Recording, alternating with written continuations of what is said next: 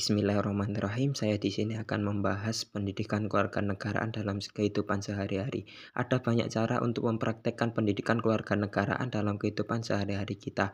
Seperti contoh pertama, apabila ada tetangga kita yang dalam kesusahan, maka kita wajib untuk membantu tetangga kita tersebut. Dan sebaliknya, jika kita mendapatkan kesusahan, maka kita akan dibantu oleh tetangga kita tersebut.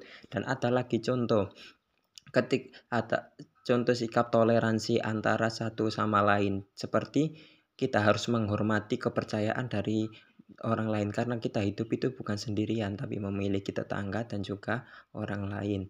Yang ketiga ada contoh untuk kita saling bahu membahu dalam gotong royong dan saling menghormati antara tua ya yang tua dengan yang muda dan yang muda menghormati yang tua. Seperti itu.